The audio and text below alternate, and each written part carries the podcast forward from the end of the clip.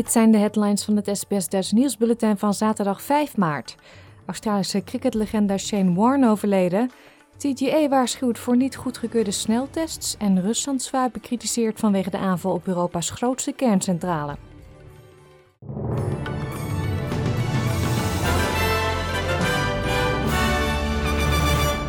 Cricketer Shane Warne is op 52-jarige leeftijd plotseling overleden. Hij werd vermoedelijk getroffen door een hartaanval terwijl hij met vrienden op vakantie was in Thailand. De Australische cricketgrootheid, die tussen zijn debuut in 1992 en zijn pensionering in 2007 als leg spinner 708 testwickets gooide, werd bewusteloos gevonden in zijn resortvilla.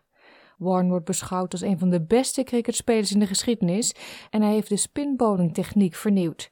Hij is ook de enige batsman die zorgde voor meer dan 3000 testruns en heeft meer Ashes wickets op zijn naam staan dan enige andere Australiër. Het nieuws van zijn overlijden kwam minder dan 24 uur na de dood van een andere Australische cricketlegende, Rod Marsh. Het Australische testteam, dat zich momenteel in Pakistan bevindt, is geschokt. Een emotionele Pat Cummins zegt dat de spelers het niet kunnen bevatten. Uh, so many guys in this team and squad who, you know, still hold him as a hero, their all-time favourite player, and the loss that we're all trying to wrap our heads around is huge. De overstromingen in New South Wales hebben aan zes mensen het leven gekost. Het meest recente dodelijke slachtoffer was een man van in de 40, wiens lichaam vrijdagmiddag werd gevonden in de buurt van Tarragon, ten zuiden van Mirwillumbah. De getroffen gemeenschappen zijn inmiddels begonnen met opruimen. Ongeveer 400 leden van de New South Wales brandweer, Fire and Rescue New South Wales en de Australian Defence Force zullen daarbij helpen. Minister van Emergency Services and Resilience, Steph Cook, zal binnenkort de rol van minister van Flood Recovery op zich nemen, zo maakte premier Dominic Perrottet gisteren bekend. Er is bezorgdheid geuit over de mate van voorbereiding, beschikbare middelen en de reactie van de regering op de rampzalige overstromingen. De premier erkende gisteren dat er waarschijnlijk fouten zijn gemaakt. Australiërs worden gewaarschuwd dat sommige verkooppunten niet goedgekeurde snelle antigeentests, oftewel RATs, verkopen. De Therapeutic Goods Administration heeft meer dan 30 verschillende tests die voldoen aan de veiligheids- en effectiviteitsvereisten goedgekeurd voor gebruik in Australië. RATs die ten minste 80% van de positieve gevallen niet oppikken, zijn niet goedgekeurd. De TGA zegt dat niet goedgekeurde versies mogelijk niet werken zoals verwacht of helemaal niet werken. Ook is er bezorgdheid geuit over het opnieuw verpakken of opnieuw labelen van tests, die niet alle componenten bevatten. Overigens meldde New South Wales vanmorgen 10 COVID-gerelateerde doden en iets meer dan 10.000 besmettingen. Er liggen daar 995 mensen in het ziekenhuis, waarvan 45 op de intensive care.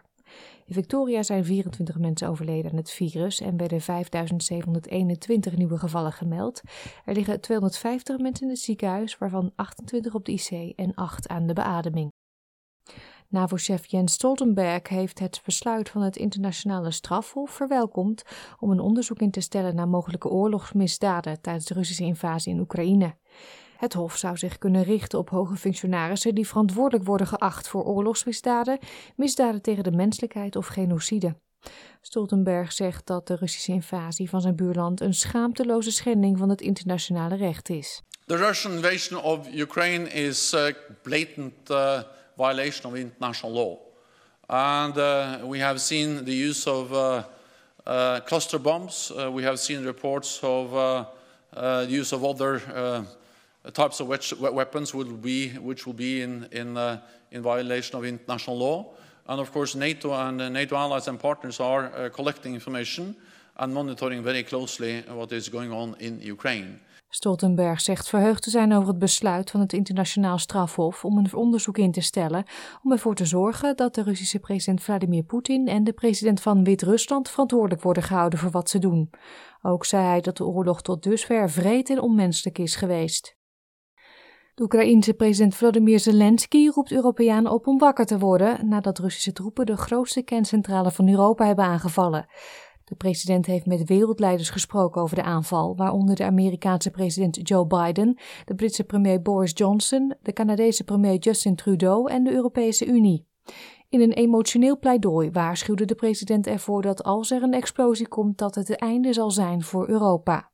Nucleair expert professor Maria Ross Rubley van Monash University zegt dat deze aanval een waarschuwing is. It could have happened. It just as easily could have been um, the reactor that was affected. And so, you know, we can breathe a little sigh of relief now, but this is still definitely a very significant concern, and we still could see, uh, you know, a significant nuclear disaster if Putin continues this aggressive invasion of Ukraine. De Verenigde Staten en hun bondgenoten hebben Rusland zwaar bekritiseerd vanwege de beschietingen en in beslagname van de grootste kerncentrale van Europa. Sommigen eisen dat Rusland een dergelijke aanval niet meer laat gebeuren. Linda Thomas Greenfield, de Amerikaanse ambassadeur bij de Verenigde Naties, zei dat de wereld ternauwernood een nucleaire ramp heeft kunnen voorkomen. De baas van het internationaal atoomgenootschap zegt dat het werk in de kerncentrale gewoon door kan gaan. Het genootschap zegt dat een projectiel een gebouw naast het blok van de zes reactoren raakte, waardoor er brand uitbrak, die na enige tijd geblust kon worden. Rafael Grossi zei in een videogesprek met de Veiligheidsraad van de Verenigde Naties dat, hoewel de normale werkzaamheden kunnen doorgaan, er niets normaals is aan de situatie. We consider from a technical point of view that operation continues normally, although, as I have stressed uh, to the border governors, of the IAEA, there is no, of course, normalcy about this situation when there are military forces, of course, in charge of, of the site. Oekraïne heeft vier nucleaire sites en 15 reactoren met bijbehorende faciliteiten. Daarnaast is er de site van Tsjernobyl. De vooraanstaande onafhankelijke Russische tv-zender Dost heeft aangekondigd haar activiteiten op te schorten nadat de autoriteiten hadden gedreigd met sluiting. In de emotionele afscheidsuitzending van de zender, een van de laatst overgebleven onafhankelijke Russische media, gaven belangrijke werknemers toespraken en was te zien hoe het studiopersoneel naar buiten liep. De eigenaar en CEO van het station zegt te hopen dat haar station ooit weer kan uitzenden. Really hope that someday we will be back in the air. We don't know yet how, where, and on which platforms it can happen.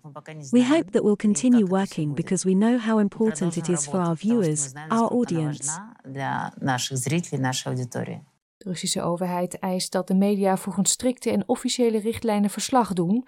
Media die de aanval beschrijven als een invasie of oorlog en verklaringen van Oekraïnse zijde uitzonden, werden hard aangepakt. Het belangrijkste onafhankelijke radiostation, het belangrijkste onafhankelijke radiostation van Rusland stopte er woensdag ook al mee. De Amerikaanse senator Lindsey Graham heeft gezegd dat het conflict in Oekraïne alleen kan eindigen als iemand dicht bij president Poetin hem vermoordt.